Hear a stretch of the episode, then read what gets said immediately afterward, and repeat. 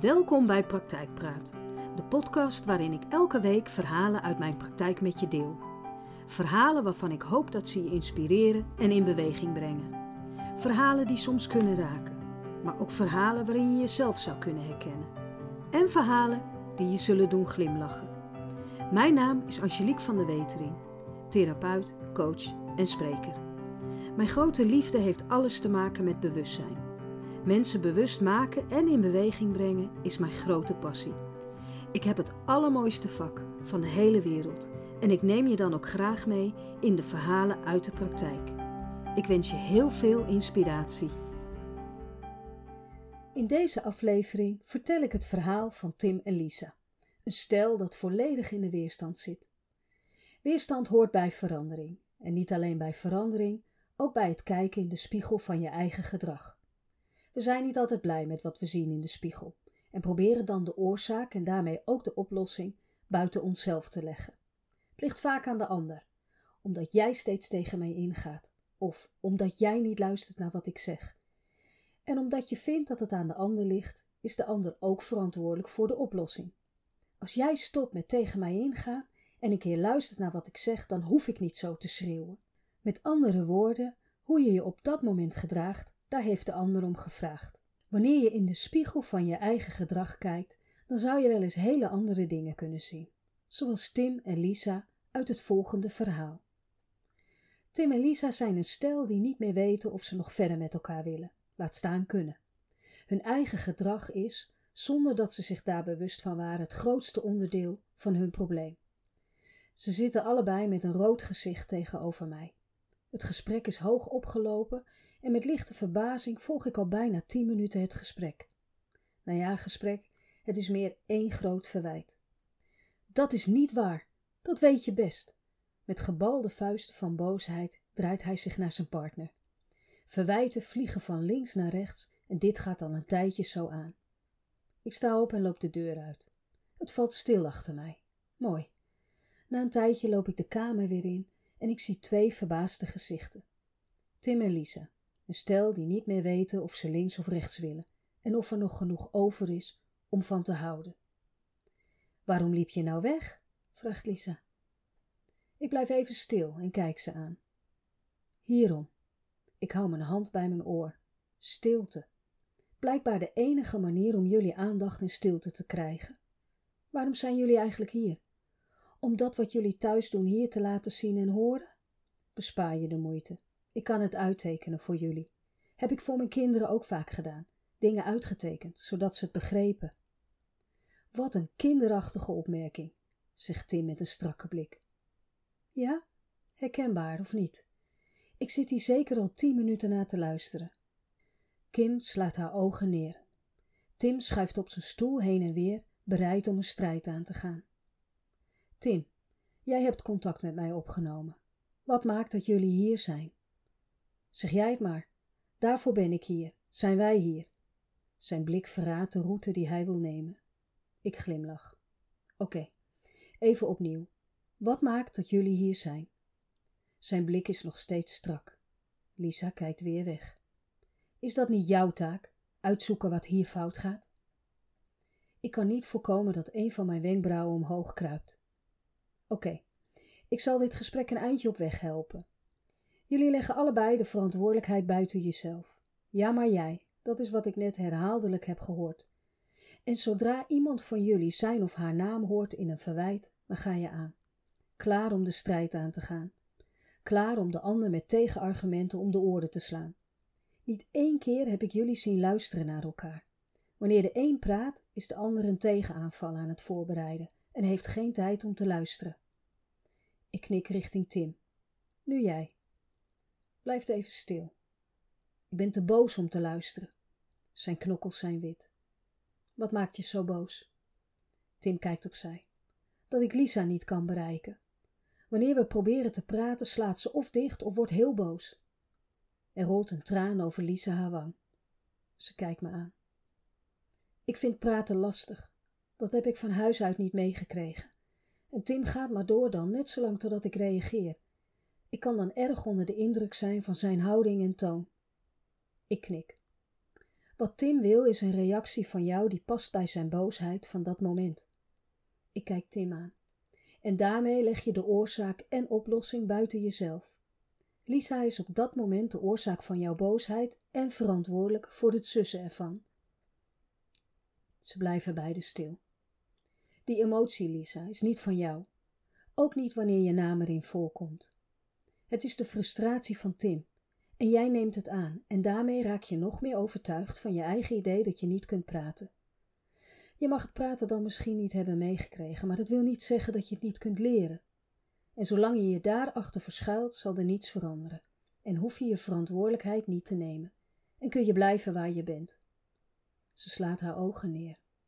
En dat probeer ik haar zo vaak te vertellen. Tim geeft haar een duwtje om zijn zin kracht bij te zetten. Als je het haar werkelijk zou vertellen, dan zou je haar de ruimte en het vertrouwen geven om te leren communiceren. In plaats daarvan sla je haar hiermee om de oren en draait het om jouw gevoel. Jij krijgt niet wat je van haar verwacht en dat maakt je boos. Dit uit je verbaal heel sterk, daar ben ik net getuige van geweest. Lisa moet het gelijk oplossen door met jou te praten, zodat jij je weer beter voelt. Voor het eerst slaat Tim zijn ogen neer en ik zie aan zijn hele houding dat hij herkent wat ik uitleg. Ik wil dit eigenlijk helemaal niet toegeven, maar ik voel me dan inderdaad beter. Dat begrijp ik heel goed, zeg ik. Je wilt gehoord worden en daarmee gezien en begrepen. Alleen heeft gezien en gehoord worden niets met de ander te maken, maar alles met jou.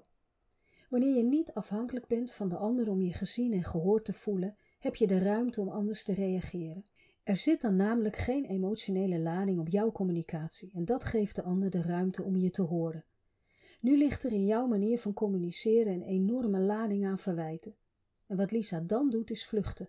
Ze wil uit het gesprek en dat doet ze door dicht te klappen of door heel boos te worden. En ook Lisa heeft dan het gevoel niet gezien en gehoord te worden. En zo is het cirkeltje weer rond, zegt Tim. Precies, zo is het cirkeltje weer rond, wat betekent dat jullie elkaars gedrag in stand houden. Als je altijd blijft doen zoals je altijd hebt gedaan, blijf je krijgen wat je altijd hebt gehad. Of een ander jou ziet of hoort, is voor jou dan niet aan de orde. Dan gaat het om de boodschap of dat wat je graag wilt laten weten. Het waren voor Tim en Lisa niet de makkelijkste gesprekken. Gesprekken die regelmatig thuis werden voortgezet. En de grootste uitdaging bleek het onderwerp verantwoordelijkheid. Elkaar de ruimte geven was eveneens een uitdaging. En wanneer je samen gewend bent iets uit te vechten in plaats van uit te praten, dan is de spiegel van je eigen gedrag een belangrijke maar confronterende factor. Na een paar maanden van intensieve gesprekken, waarin het wel eens behoorlijk kon knetteren, hoorde ik Tim iets zeggen waar ik blij van word. Het is zo makkelijk te zeggen ja, maar jij. Ik merk dat ik minder bezig ben met wat Lisa doet of zegt en meer met hoe ik het breng. Hij legt zijn hand op haar knie. De blik in de ogen van Lisa is zacht. Voor mij was de grootste eye-opener dat ik Tim zijn kijk op iets niet persoonlijk hoef te nemen. Het is hoe hij het ziet. Door dat te zien lukt het me om me beter te uiten. Ik hoef me niet meer te verdedigen. Ik kijk naar het stel dat tegenover me zit en denk terug aan het eerste gesprek. Vertel eens, is er nog genoeg over om van te houden? Lisa legt haar hand op tafel. Om haar ringvinger een prachtige ring. Liefde. Overal te zien, overal in te vinden en misschien juist wel in onze communicatie. Voor wie het horen wil. De spiegel van je eigen gedrag is een spiegel waar we niet graag in kijken. Deze spiegel wordt ons meestal voorgehouden door anderen. Ons gedrag kunnen we terugzien in de reactie van de ander. En het gedrag van de anderen kunnen we terugzien in onze eigen reactie daarop. Volg je me nog? Hoe we op elkaar reageren heeft voor een groot deel te maken met onze overtuigingen en wie we vinden dat we zijn, onze identiteit. In de vorige aflevering Praktijkpraat heb ik het uitgebreid gehad over onze identiteit. Onze identiteit bepaalt voor een groot gedeelte hoe we reageren op de ander en bestaat uit overtuigingen over onszelf. In het voorbeeld van Lisa heb je kunnen horen dat ze praten erg lastig vond, omdat ze dat van huis uit niet had meegekregen. Gaandeweg is ze ervan overtuigd geraakt dat ze geen prater was, en haar gedrag heeft zich daarop aangepast. Ze werd of boos of klapte dicht. En in beide gevallen hoefde ze niet te praten, wat haar maar eens bewees dat ze het bij het rechte eind had. Zie je wel, ik vind praten moeilijk. Ik heb dat niet geleerd. En met mijn reactie laat ik ook zien dat het me niet lukt. Wanneer we toe zijn aan een verandering, of wanneer we iets nieuws willen leren, dan gaat dat bijna altijd gepaard met je ongemakkelijk voelen. Je doet iets wat niet comfortabel is. En dat is logisch, want een verandering of les ligt vaak buiten je comfortzone. In je comfortzone doe je namelijk alleen maar dingen waar jij je comfortabel bij voelt, die je bekend zijn. Je weet hoe het moet en hoe het gaat, dus je weet ook wat je kunt verwachten. En dat voelt veilig en vertrouwd. Zodra je je buiten je comfortzone begeeft, kun je een weerwar aan emoties ervaren. Angst, weerstand, boosheid, onzekerheid, irritatie of de behoefte om te vluchten. Deze emoties hebben niet alleen te maken met je comfortzone, maar ook met bijvoorbeeld aangeleerde hulpeloosheid. Je doet de dingen al zo lang binnen je eigen veilige comfortzone dat je er misschien wel van overtuigd bent geraakt dat jij het niet kan. Want zodra je het probeert, zie je geen resultaat. Ik ben al een week bezig en het is nog steeds niet veranderd. Dat is logisch. Het is namelijk ook niet in één week ontstaan. De hersenen hebben het vermogen om nieuwe verbindingen tussen neuronen, dat zijn hersencellen, aan te maken. Hierdoor kan het brein zich reorganiseren en kun je nieuwe gewoontes aanleren. Je brein heeft minimaal 21 dagen nodig om een nieuwe manier aan te leren. En om deze nieuwe manier een gewoonte te laten worden, kun je daar rustig nog een aantal maanden bij optellen. Want nogmaals, de gewoonte die je wilt veranderen is ook niet binnen een week ontstaan. We hebben deze zo lang geoefend dat we ons er niet eens meer bewust van zijn, totdat we teruggespiegeld krijgen van onze omgeving. En wanneer je steeds dezelfde boodschap teruggespiegeld krijgt, dan is dat de kans om te onderzoeken wat er beter kan, anders kan. En begrijp me niet verkeerd, niet omdat dat beter is voor je omgeving, maar vooral voor jou. Want iedere verbetering die jou betreft is regelmatig ook een verbetering voor je omgeving.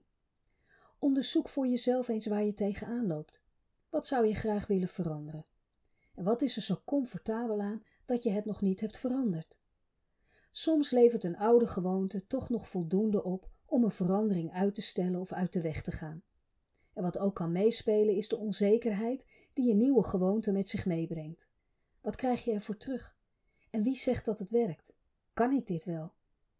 Allemaal wat als en stel dat vragen vanuit je comfortzone en bedoeld om je weg te houden bij een verandering. Je moet ergens doorheen. Of je moet eerst een drempel over. Je moet er echt aan toe zijn, anders lukt het niet. Dat zijn opmerkingen die ik regelmatig hoor. Deels waar, deels overtuigingen. Wat een verandering het meest moeilijk of makkelijk maakt, is je focus. Waar ligt jouw focus? Op de mogelijkheden of de beperkingen die je nieuwe gewoonte aanleren met zich meebrengt? Of ligt jouw focus op wat het je gaat opleveren of wat het je gaat kosten? Ben je je echt bewust van welke nieuwe gewoonte je wilt aanleren en weet je ook waarom? Want als je niet weet wat je doet, waarom doe je het dan? Vragen die belangrijk zijn om een duidelijk beeld te schetsen van het probleem waar jij tegenaan loopt. Om overzicht te houden kun je voor jezelf deze vragen uit je hoofd halen en ze opschrijven. Schrijf de antwoorden achter de vragen en stel je vervolgens voor wat de voordelen kunnen zijn van je nieuwe gewoonte of verandering. En wanneer je veel weerstand of twijfel voelt bij het beantwoorden van deze vragen, laat dat dan even rusten en kijk er op een ander moment weer naar. Een frisse blik doet wonderen. En zo neem je de tijd om te wennen aan het idee dat het ook anders kan. Dat jij het ook anders kan. Neem je tijd. Wees niet te streng voor jezelf. Begin met kleine stapjes. Nu komt weerstand soms ook uit je omgeving. Er kunnen personen zijn die moeite hebben met jouw verandering. Blijf dan onderzoeken of de verandering goed is voor jou. Is het antwoord ja? Blijf je nieuwe verandering dan net zo lang oefenen tot het een gewoonte wordt. Nogmaals, veranderen doe je in de eerste plaats voor jezelf. Om een nieuwe gewoonte aan te leren heb je niet alleen een positieve focus nodig, maar ook een doel. Wat is je doel? Wat wil jij bereiken met jouw verandering? Met andere woorden, wat is het eindresultaat van jouw verandering, van jouw nieuwe gewoonte? Wat is er anders? Hoe zou je je voelen? Hoe zou je omgeving reageren? Nu kun je je in je hoofd van alles bedenken. Maar om het jezelf makkelijker te maken, is het een goed idee vragen op te schrijven die te maken hebben met je doel.